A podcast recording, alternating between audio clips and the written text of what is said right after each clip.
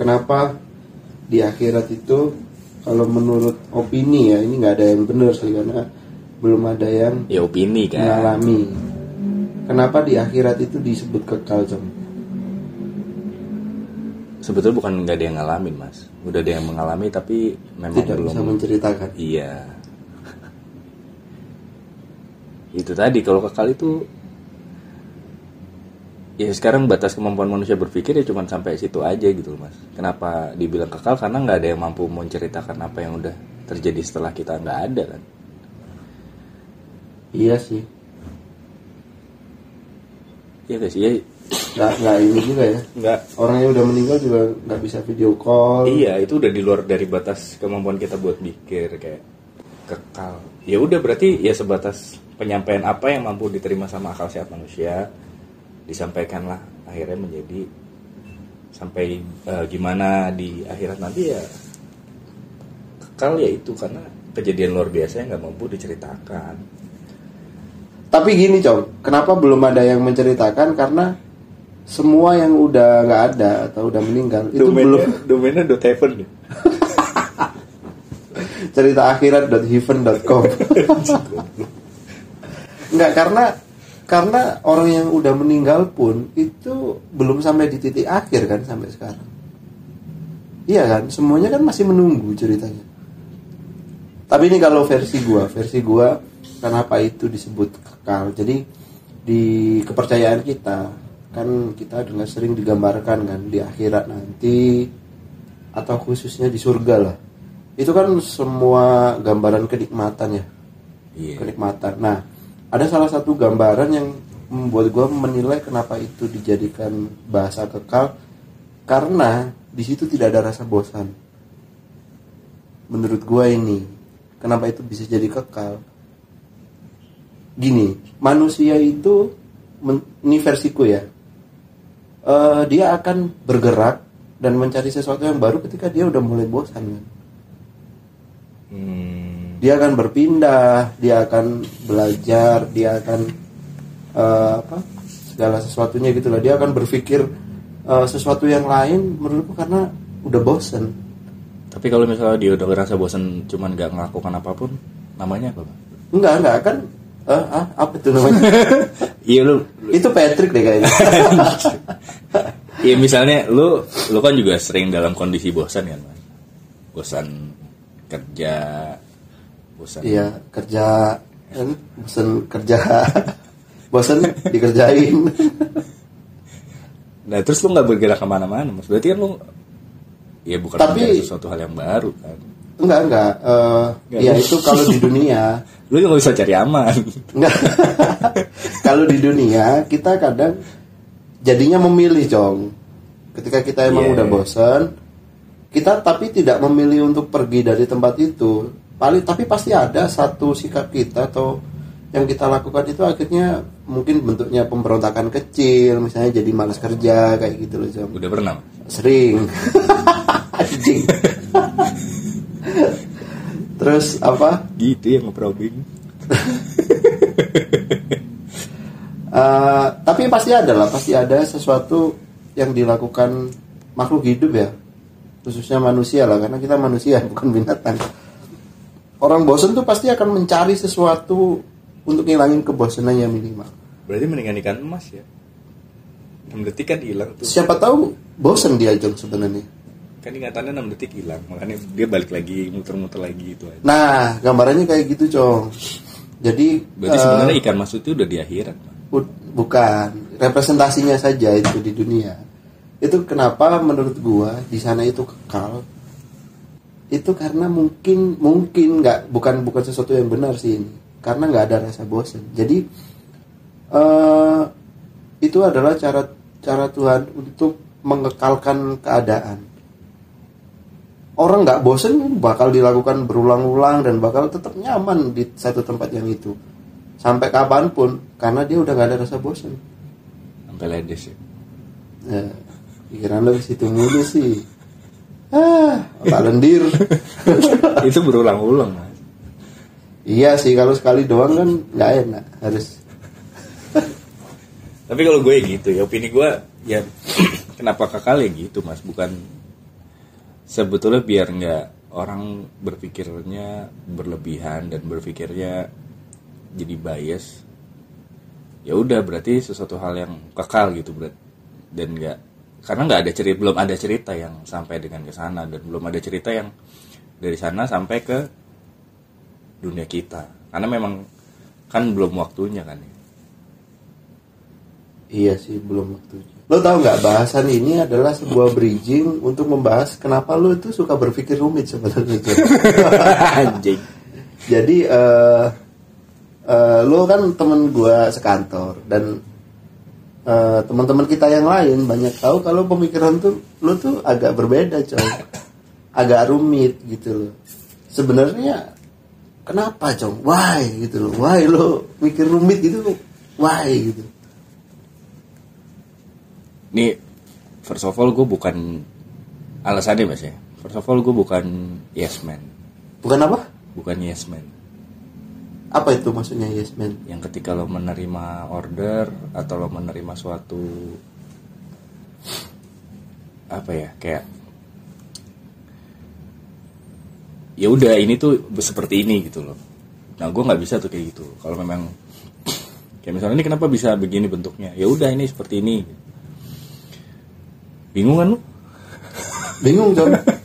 Ini gua mandangin kubah masjid aja nih. Ini kenapa tiba-tiba jadi yes man gitu kan? Enggak, dasarnya adalah itu. Gue bukan yes man. Gue harus tahu dulu gimana suatu barang itu atau suatu keputusan itu diambil. Dasarnya gue harus tahu dulu.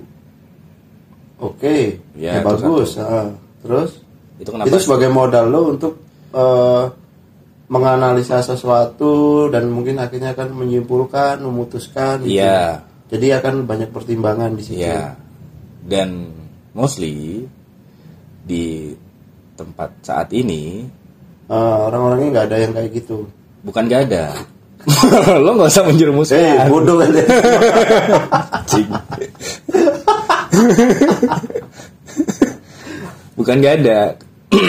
ada tapi tidak mungkin beberapa ada beberapa ketika memunculkan sisi idealisnya dia sebagai eh, orang yang berpola pikir sama kayak gua malah menjadi ya gitu terpental tenggelam nggak diterima sama society. Jadi eh, ya di setiap tempat beda lah ya karakternya ya. Ada yang ya lo harus ikut apa kata yang di atas. Di tempat lain ya lo harus berinovasi atas apa yang disampaikan dari yang di atas. Hmm. salah satunya yang bikin gua mungkin kalian beranggapan aneh adalah gua ngerasa culture shock di ketika gua masuk ke lokasi kerja kita sekarang Oke. Di instansi ini kan? ya Gitu kan? culture shock man Kenapa? Kenapa? Lo lo dulu hidup di zaman primitif apa gimana? culture shock jadi eh gua dulu kan be- berkali-kali kan pindah-pindah kerja di tempat swasta ya di perusahaan swasta. Jadi beda banget mas. Iklim kerjanya tuh beda eh, pola kerjanya beda. Kalau di swasta tuh kayak bulan-bulan Oktober November tuh udah bisa bener-bener kayak yang stop kerja udah nyantai aja gitu loh. Itu satu. Terus yang selanjutnya adalah kayak dari tadi satu mulu gue ya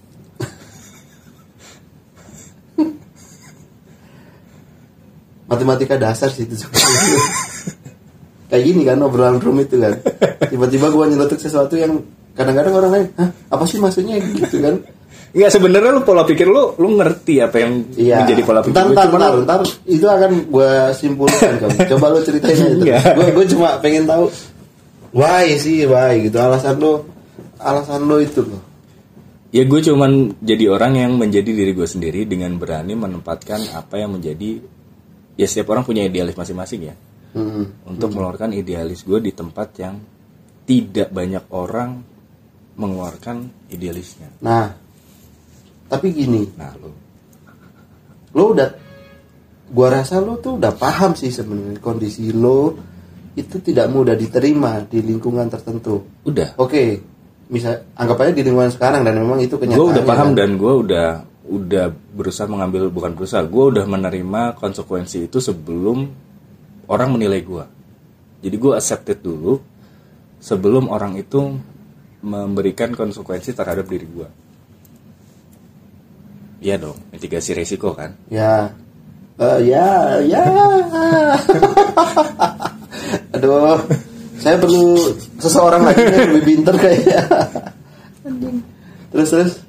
Iya jadi ya kayak misalnya gue punya modal 10 nih. Terus orang bakal menilai gue ah 9 ya gue udah punya 10 gitu loh. Rumit kan Rumit dong, rumit. Nah, jadi gue udah udah siap aja kalau ketika orang udah menilai gue ah begini. Ya ya udah gue udah punya jawabannya. Gue udah siap akan itu gitu Iya, tapi akhirnya, akhirnya lo tuh eh, nggak bisa apa ya? Nggak bisa kayak lo Nggak kayak lo nggak mungkin kayak gua. Kalau lo kayak gua, gue jadi kembar kita. enggak gue pasti diminta bikin laporan terus Nanti gua buang sih. Nanti gua cut sih. Enggak sih, Com. It, eh, anjing ngomong apa ya gue tadi? Sampai ngeblank lo gara-gara diomongin Acong. Eh serius apa? goblok lo tadi apa sih? apa mas Pokoknya gini, Com. Eh, gue sudah memprediksi orang akan menilai apa Iya. sehingga gue ya udah Oh, dari iya. awal gue udah menerima itu eh, lo udah tahu, bahkan lo udah tahu konsekuensinya, tapi lo tetap pada idealismemu sendiri gitu loh. Akhirnya orang-orang itu ini bukan sampai se ekstrim nggak nyaman ya nggak mau temenan sama lo gitu nggak juga sih sebenarnya nggak nggak sampai se ekstrim oh jadi itu. udah pernah kayak gitu mas ya enggak lah kan gue gue kan yang selalu nemenin lo kan? Iya udah selain gue kan nggak ada kan yang mau? Dasar dikucilkan. Enggak cong lah itu tadi apa? Akhirnya kan yang banyak yang nggak bisa nerima lo dengan pemikiran-pemikiran lo gitu loh. Gini apa apa karena mereka juga takut dikucilkan. Enggak enggak ya karena emang eh iya sih cong. Mungkin sebenarnya mungkin di, di beberapa orang itu ngerti apa yang lo maksud. Cuma kita berada di lingkungan yang nggak seperti itu. Iya. Nih gua kasih omongan ribet juga lo nggak ngerti kan orang pendengar ngomong apa sih? Ini episode paling lo harus butuh mental yang kuat buat mendengarkan episode ini. Kenapa gini cong? Eh, kalau kayak gue pribadi kadang-kadang gue sih memahami apa yang lu pikirin terus gue ngerti gitu kan tapi nggak semua orang mau mengerti bukan nggak ngerti ya. Iya. Semua orang mungkin pasti ngerti gue yakin lah. Kita semua orang pinter-pinter cuma mau mengertinya yang susah. Kenapa nggak lo nggak ngambil langkah? Pemikiran lo ini udah bagus. Ada tadi analisa mitigasi resiko dan segala macam kan tapi ketika kata-kata itu keluar dari mulut lo lo pakai bahasa yang memang bisa diterima di lingkungan kita gitu Jom. ya apa ya mas ya akan menjadi biasa aja mas. Kalau misalkan gue mau milih buat kayak yang ini kan masalah pembungkusan kata aja kan misalnya iya. lebih ke penyederhanaan kata kan sebenarnya. Iya. Ya nggak sih? Kenapa lo nggak milih milih itu gitu? Iya benar Enggak dari sisi lu bener Ya kan setiap orang punya sudut pandangnya masing-masing dong Itu dari sisi lu Gue gak mau ketaruh Iya, bener. Sih iya bener bangsat Enggak ya benar itu dari sudut pandang lo dan ya seperti itu. Tapi dari sudut pandang gue kan beda lagi kan. Tipikal gue dan mungkin beberapa orang adalah ketika gue masuk ke suatu lingkungan baru, gue akan mencari tahu dulu nih. Yang pertama biasanya ini dalam dalam bekerja ya. Sudah berapa lama eh, orang yang paling nggak jauh umurnya dari gue itu udah berapa lama di tempat itu. Dan orang yang paling tua itu di situ sudah eh, di posisi misalnya di posisi sebagai clerk atau staff itu sudah berapa lama dia sebagai clerk itu di umurnya itu. Jadi gua mengambil peran yang tidak ada di tempat tersebut. Tapi peran itu yang rajin ada udah ada. Ya Lo. Regi kan? Yang rajin udah ada lo bukan gue nggak rajin. Yang selalu menonjol udah ada juga lo juga. Bangsat kenapa jadi bahas gua? Ini kan itu. lagi. yang eh, gampang diingat dan memorize able tuh ada utang ada AR kita Karin. Rin Rin nama lo disebut Rin. Yang unik dan pemikirannya mudah diterima ada Rizky. Yang ya banyak macam-macam lah mas. Tapi yang berusaha buat menjadi dirinya sendiri itu maksudnya eh, tidak mengkamuflasekan idealisnya tuh belum ada gitu mas. Iya ya memang sih gue bisa aja ketika gue masuk gue menjadi mengikuti alur mengikuti arus. Ada gue gue berpikir seperti itu bisa aja gitu tapi eh, akan menjadi ya hidupnya gitu-gitu aja mas. Tapi sekali lagi cok eh, sekali lagi. kita tuh ada di lingkungan yang yang gampangnya tuh ya menuntut kita seperti itu gitu loh ketika lo mau itu tadi jawabannya udah gue kasih di awal gue bukan yes man iya iya Bener. iya sih lo kok nggak bilang bener Enggak, aku enggak enggak membenarkan soalnya enggak. Tetap tetap gini kayak Oke, mungkin mungkin di di ujung kesimpulannya adalah eh lu tuh orang yang tepat cuma di tempat yang salah aja sih kayaknya.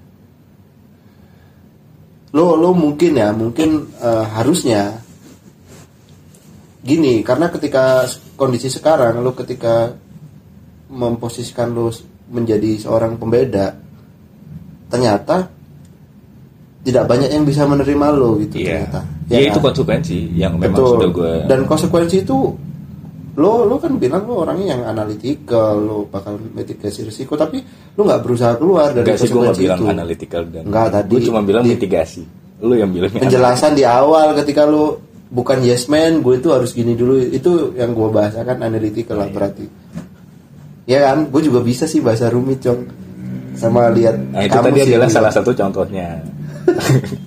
Contohkan gimana bu? Bukan berpikir rumit. Berpikir rumit cong lo tuh rumit pokoknya pokoknya semua keluarga lo juga rumit kayak anak lo aja udah nanya Tuhan gimana Lu Karena gue berusaha gitu. memberikan pendidikan dasar. Ini ini melenceng dikit mas ya. Eh, yang kurang dari dari society kita adalah pendidikan dasar, Eh, adab, etika, sama pengetahuan tentang agamanya. Hal simpel aja kayak misalnya yang sering banget gue temuin gue sama istri gue temuin itu adalah ketika lo ngantri di bandar, lo pernah gak sih diselak? Itu basic sebenarnya itu basic banget mas. Ketika gue karena gue sering banget tuh diselak. Kalau misalnya di bandara pas lagi pulang ya, ketika gue udah sampai di antrian ada tuh yang nyelak. Maksudnya itu kan itu kan jadi dasar sebenarnya. Kelihatan kelihatan eh, value orang tuh dari situ.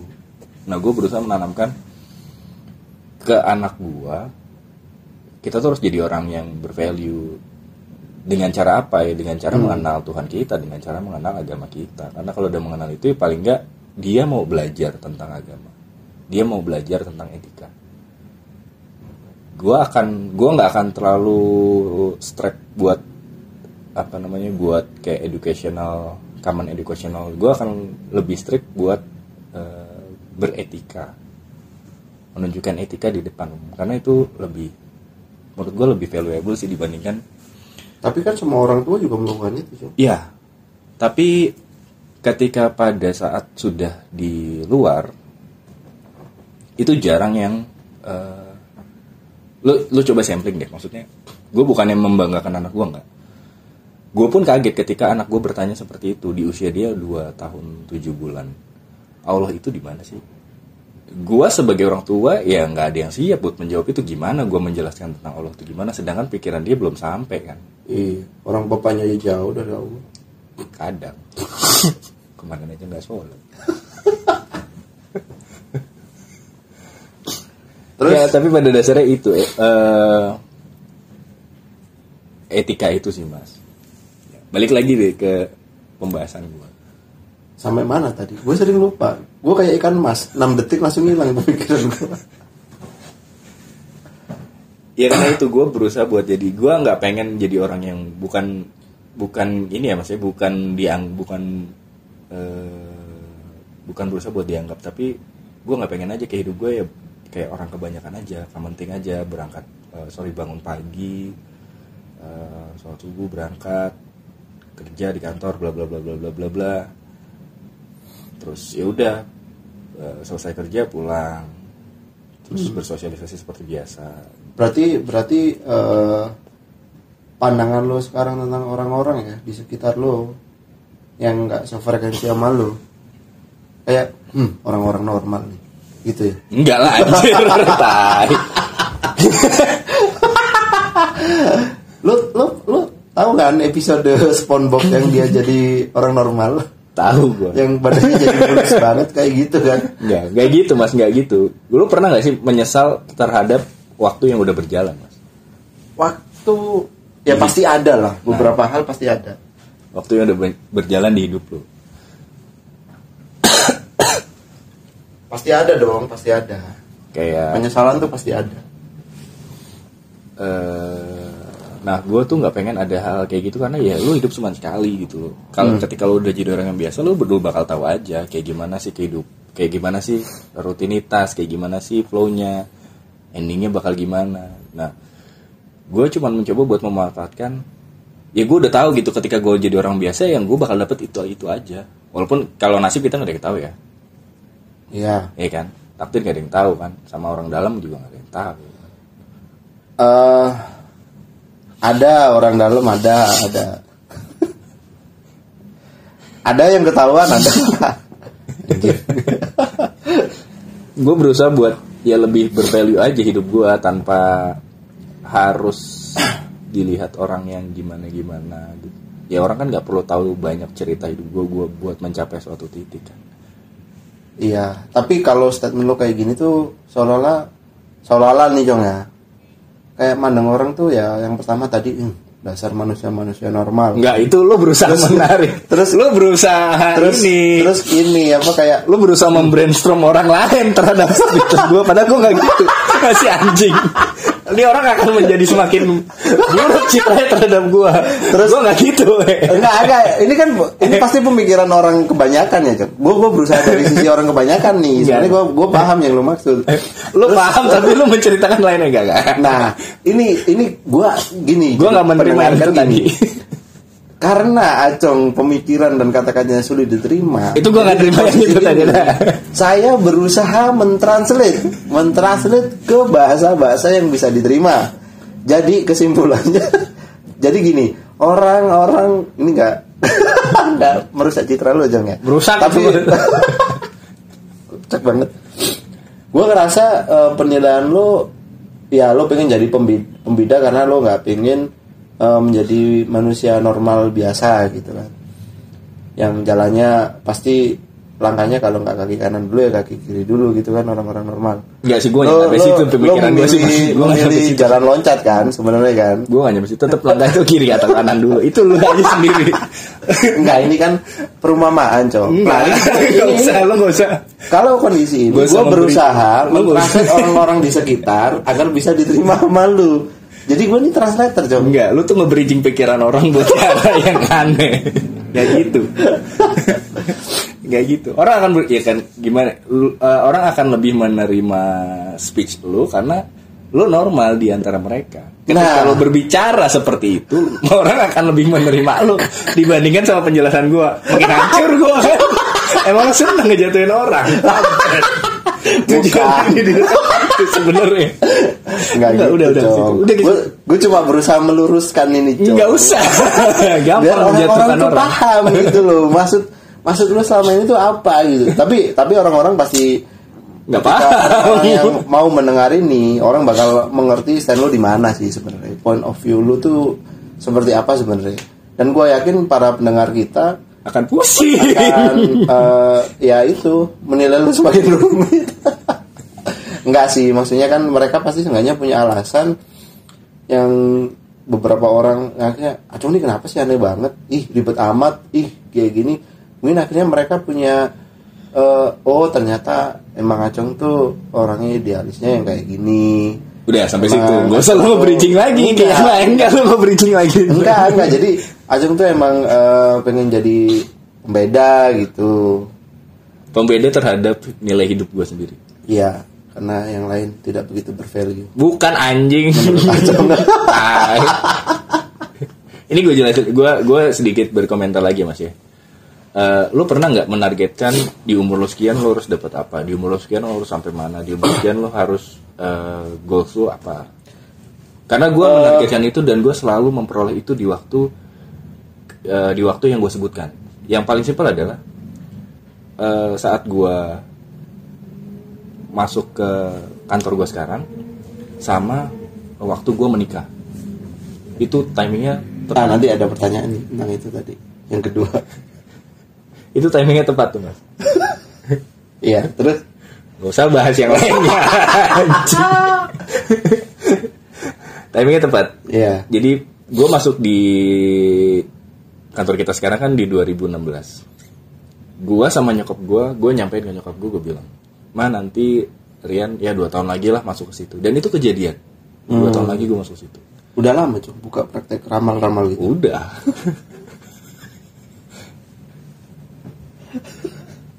Ketik rek spasi acung. Untuk tahu masa depan anda. Lanjut cung gampang emang membridging pikiran orang dan membrainstorming kalau udah jadi bener tuh. Terus kedua adalah eh, usia gue nikah. Gue bilang ke bokap eh, yaudah pak nanti Rian nikah umur segini. Itu gue di posisi gue belum punya apa-apa dan gue belum bekerja. Gue masih waktu itu gue masih skripsi kalau nggak salah. Dan satu lagi nama istri gue gue masih inget banget itu di oh nama istri gue. nama istri lo iya ini kan mbak ini kan tahu Iya, nama istri gue. Gue pada saat pulang kuliah, ya gue udah pacaran waktu itu mas. iya lo nyari di Google ya namanya Enggak anjing. pada saat gue waktu itu udah pacaran sama istri eh sama pacar lo mantan gue ya, bukan pacar gue, mantan gue. mantan lo Cuman- yang nggak jadi lo nikahin Iya, nggak usah, udah sampai situ aja. udah sampai situ aja. Kampret itu bahasan lain aja. terus Iya. Nah pada saat gue selesai nganter dia mantan gue pulang ini, gue di jalan emang jahat sih ya. lo nyopet Iya enggak lo ngebom begal astagfirullah cong cong Ah, tai. Enggak, terus ya lu jahat, jahat. Lu apain tuh anak orang? ya setelah gue abis gue nganter dia pulang, ya gue kan balik ke rumah dong. Di jalan tuh gue kayak berpikir dalam diri gue, eh, lucu kali ya kalau gue nikah sama orang yang namanya itu Eh. itu gue ucapin langsung. Tapi tapi gini, Cong. Iya jahat lu, Cong, emang, Cong. Lu kan lagi posisi nganterin pacar lu pulang. Dan namanya pasti bukan Bukan. ini kan namanya. nah, ini kan namanya kan bener kan? Kan Lu karena bisa bisanya menyebut nama orang lain ketika lu masih pacaran sama orang lain. Eh, iya. Nah pada saat itu gue berusaha sebe ya gue bukan berusaha gue pada saat itu masih menjadi orang yang uh, normal common people pada umumnya yang kuliah belajar pulang berarti kan gue mencari hal yang baru kan ya gue Tapi- berpikir sebatas berpikir aja. Tapi lu ngomong gitu ini enggak? Lu ngomongin enggak ke pacar lu? nggak lagi lah kali goblok. Bisa nggak nggak ada. Bisa nggak jadi ini kan? Nggak jadi mampir kan? Udah aja Ini. Gue share nanti nih. Anjir nanti. Gak usah. Udah udah. Udah sampai situ aja tuh Itu yang Itu yang Yang gue Tiga hal itu yang Yang mungkin yang bisa gue ceritain di, di balik hal-hal lainnya Memang gue ucapin dan itu kejadian bener Nah eh Gue nggak pengen kayak ada Bukan Bukan penyesalan ya maksudnya kayak yang ini gue miss ini nih ini gue melewati ini nih gue nggak pengen ada kata-kata itu di dalam hidup gue Ah, Oke, ini ntar gua sanggah mampus lu. Ntar coba. Soalnya tadi malam ada yang kita bahas tentang penyesalan. Iya iya iya. Nggak, tapi kita nggak bahas itu. Itu bahasan di luar Rikos Tolong jangan ditanya yang ada satu hal besar yang miss ternyata di hidup Acong Gak usah lu juga gitu Eh, Lu ngomong gua ngomong sama-sama. Selesai kita Oke, cut dari sini. Ini teruskan untuk bahasa. Karena Iya, berbahaya. Itu sih mas gue kayak nggak Makanya gue selalu memplanning dan gue berusaha di umur gue segini gue udah bisa apa aja dan gue udah dapat apa aja. Eh, gue sudah memperoleh apa saja di umur gue yang segini. Tapi ini gini, Jom. Eh, ini gua lagi-lagi berusaha mentranslatekan eh, orang-orang yang lu bilang normal ke lu nih. Iya kan? Gini. Visi lu bagus, lu punya punya tujuan hidup lu tuh ya bagus lah. Lu di umur segini udah mau ngapain mau ngapain.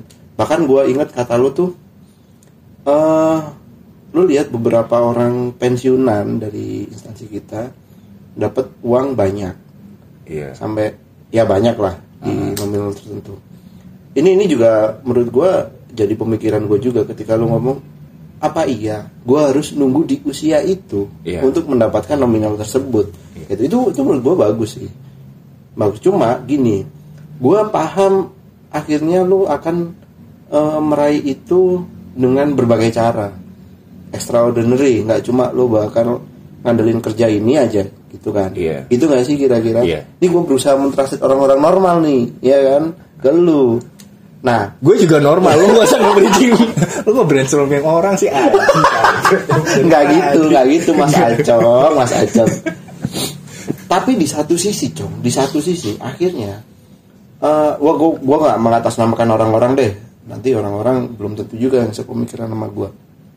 Tuh, lu gak mau kan disamain sama orang yang gak normal. Enggak maksudnya nggak enak gua. Siapa tahu mereka nggak berpikir seperti ini Lu sebenarnya. gampang ya kalau tapi gini akhirnya wah si Acung nih jadi hilang fokus kayak gitu. Lo lo pasti ngerasa kan ada orang-orang yang berpikir kayak gitu kan. Jadi hilang fokus mungkin eh ya pasti lo kepecah. Mau nggak mau kan pasti kepecah fokus lo kan. Ya sih? Apa gue salah? Ya, lanjutin dulu mas. Ya jadi lo kepecah fokus misalnya nah ini kayak gini nih fokus gua kepecah. Gara-gara lihat pemandangan kan?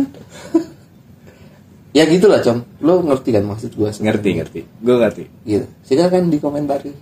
Eh, kalau ke fokus kepecah emang iya. Mungkin tapi bukan berarti kepecah dalam satu yang sudah gua apa ya ketika lu bekerja konsekuensi lu adalah terikat sama pekerjaan lu. Ya. Ya bukan Betul. berarti gua terpecah konsentrasi atau terpecah fokus di tempat tersebut. Enggak kan tapi gue berusaha buat membagi waktu gua bukan mem- membagi fokus gua. Hmm. Hmm. Hmm. Gini simpel ya dalam satu hari itu nah ada ini yang, 24 yang jam. disukai pendengar kita tuh yang gini simpelnya gitu. Dalam satu hari itu ada 24 jam. Ini nggak simpel sih kayaknya. Enggak, itu berusaha men- mensimplifikasi apa yang tadi Oh, iya. Gua dari pagi je- berangkat kantor jam setengah enam, nyampe di kantor. Ya gue ngantar dulu lah ngantar istri gue terus nyampe di kantor. Gue bekerja tuh dari jam 8 sampai jam 12 itu gue bekerja untuk kantor. Jam 12 sampai jam 1 kan kosong tuh istirahat. Gue bisa dong melakukan dan mem- membuat apa pun di situ kan. tapi kan lu biasanya makan siang sama kita Tapi kan lo bilang sendiri, gue multitasking pada saat makan siang. Kan? iya Gue lebih sibuk sama handphone gue ketika gue makan siang. ya Nah, gue membuka hal baru di satu jam itu, jam 12 sampai jam 1. Jam 1 sampai jam 5 sore, ya tetap bekerja untuk kantor. Tapi lo pernah nggak mengambil waktu-waktu itu untuk sesuatu yang di luar pekerjaan inti? Pasti pernah sih. Dan eh, gini ya, gue bukan bukan yang so ini ya. Semua semua orang pasti pernah sih ngambil sesuatu hal yang lain. gue belum selesai menjelaskannya. kan Ya, gue jelasin waktu gue dulu deh. pembagian waktu dalam hidup gue kan. Jam 1 sampai jam 5 gue bekerja untuk kantor. Jam 5 sampai jam setengah 7 itu perjalanan gue dari ya perjalanan gue pulang lah kan. setengah tujuh gue kuliah sampai jam setengah sembilan jam sembilan gue berangkat ke tempat kerja gue yang lainnya gue di situ mengembangkan diri gue mengembangkan pikiran gue di mana orang-orang itu ya bukan orang-orang yang berpikir normal pada um- maksudnya eh, lo takut ini lagi kan? Lo takut kena bridging lagi kan? Lo nganggap orang-orang yang lain tuh nggak normal kan? bukan orang-orang yang karena beda mas ketika lu lahiran berapa sih 989 ya Enggak. nggak ada gitu ya pokoknya Aku 97. 97. kalau 97 nggak gini soal pikirannya gue udah tahu mana yang lahiran segini 97 nggak bisa nge-bridging pikiran orang kan? orang-orang yang lahir di tahun 90 eh, 90 sampai dengan pokoknya generasi milenial ya. 96 bulan. milenial sama setenial itu pola pikirnya dia nggak akan mau menjadi Ah, setenial. setenial Oh setan ya. itu jarang ketika lo survei lo jarang banget yang mau menjadi karena mereka nggak mau ada kayak keterikatan mereka nggak mau inovasi mereka terbatasi. Nah di jam 9 atau jam setengah 9 sampai dengan jam satu malam itu kadang gua di tempat kerja gua ya gua dan eh, yang lainnya itu yang alhamdulillahnya circle sekarang semakin besar. Di situ ya orang-orang yang memang nggak pengen kayak ada eh, mereka selalu bermimpinya adalah eh, kita harus bisa financial free before 30 nih. Gua sudah ada di 30 dan gue tidak pernah memikirkan itu di usia gue yang sebelum 30 jadi goals gue saat ini adalah gue pengen financial free before 40 nah tadi pertanyaan lo lo berarti kan ada cheating time dong dalam pekerjaan lo. Ya. Dan dan bukan ini ya, bukan ngejudge lo kayak gitu. Karena ya jujur gua sendiri juga banyak cheating time-nya. Dan Iya. gua yakin semua semua orang pasti ada. cheating time banyak. Cuma yang membedakan adalah lo cheating time menggunakan lo kok gue mau jadi belain lo nih. Menjustifikasi orang banyak. Gue bilang ada loh. Lo mau nge-bridging gua kan? Eh, lanjut aja ceritanya. Lanjut Jom ini udah lumayan panjang sih. Jadi nanti dibagi aja dibagi ke beberapa part aja Bang. enggak enggak seru. Kalau episode udah lanjut dulu. Kenapa jadi kita ngomongin teknik? Anjing. Ya itu eh, daily gue punya to do list. Jadi ketika gue udah selesai melakukan pekerjaan A B C dan D sampai dengan tertentu ya gue gue melakukan pekerjaan lainnya di situ. Tapi porsinya tidak besar karena gue nggak mau eh, pecah fokus gue beda pecah fokus eh, beda lupa ya masih kalau lupa ya manusia kan lupa. Hmm. itu bukan berarti gue nggak fokus karena gue lupa. Tapi porsinya banyak kan lupa ya daripada nggak fokus. Mengkampret tuh Jom. semua yang lo sampaikan adalah pembenaran atas perilaku perilaku lo ya gitu sih mas. Gue berusaha buat menambah value di hidup gue yang gue nggak bisa peroleh di hal-hal lainnya. Kayak di kantor gue kan nggak bisa tuh gue kayak yang jago ngapa-ngapain ngedeketin atasan. Hmm, siapa tuh yang ngedeketin atasan? Gue nggak bisa yang kayak gitu gitu loh. Buat buat apa gitu. Karena ya tadi yang jadi pe- pemikiran gue adalah gue pengen financial free before 40 gue nggak pengen stuck di ya kerja dapat gaji melakukan pekerjaan dapat nilai bagus bla bla bla dan pada akhirnya kita udah tahu endingnya bakal sampai mana kalau kita sampai mah pensiun kan hmm, meninggal Iya. Nah di di jeda waktu sebelum meninggal kan kita ngapain kita kita sendiri yang bisa memvaluekan diri kita. Terlepas kita mau dinilai seperti apa sama orang lain ya udah itu persepsi orang gitu. Gua Oke. ya gue what the hell sama apa yang mereka pikirkan. Kalau misalnya mereka mikir gue buruk dan mereka mengejek gue ya berarti kan pahala buat gue. Gue mencari pahala-pahala jariah dari dosa-dosa jariah yang mereka lakukan aja. ngomong pahala gue langsung gelegein Jom.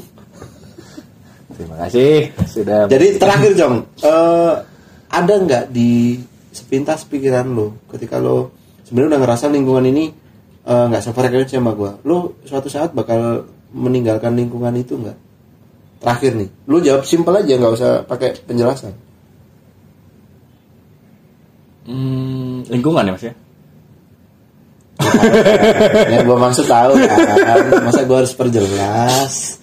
Lingkungan ya sih? lingkungan RT lu pindah RT gitu misalnya. Ya kalau karena kalau gue jawab singkat, lu jawab singkat aja. Waktunya durasi durasi. Kita bukan siapa-siapa di podcast ini.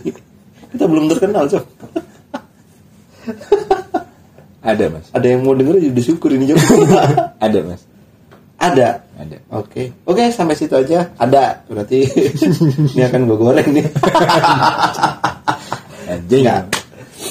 Oke, terima kasih. Eh, jadi ini adalah opini, bukan opini sih. Sebenarnya berarti teman-teman yang bertanya kenapa Acong itu aneh. Jadi ternyata Acong tuh ya pertama memang aneh. Kita yang nggak aneh teman-teman.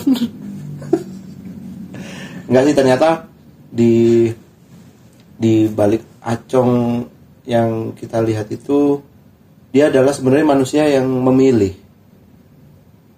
Salah satu contoh manusia yang memilih memilih untuk eh, idealis memilih untuk menjadi pembeda dan memilih untuk meningkatkan value dia sebagai manusia. Gitu nggak? Ya kan? Iya. ya. Kira-kira seperti itu jadi mudah-mudahan point of view dari Mas Acung bisa diterima dan yang baik kita ambil yang buruk kita caci. Oke terima kasih. Sampai jumpa kembali. Thank you. thank you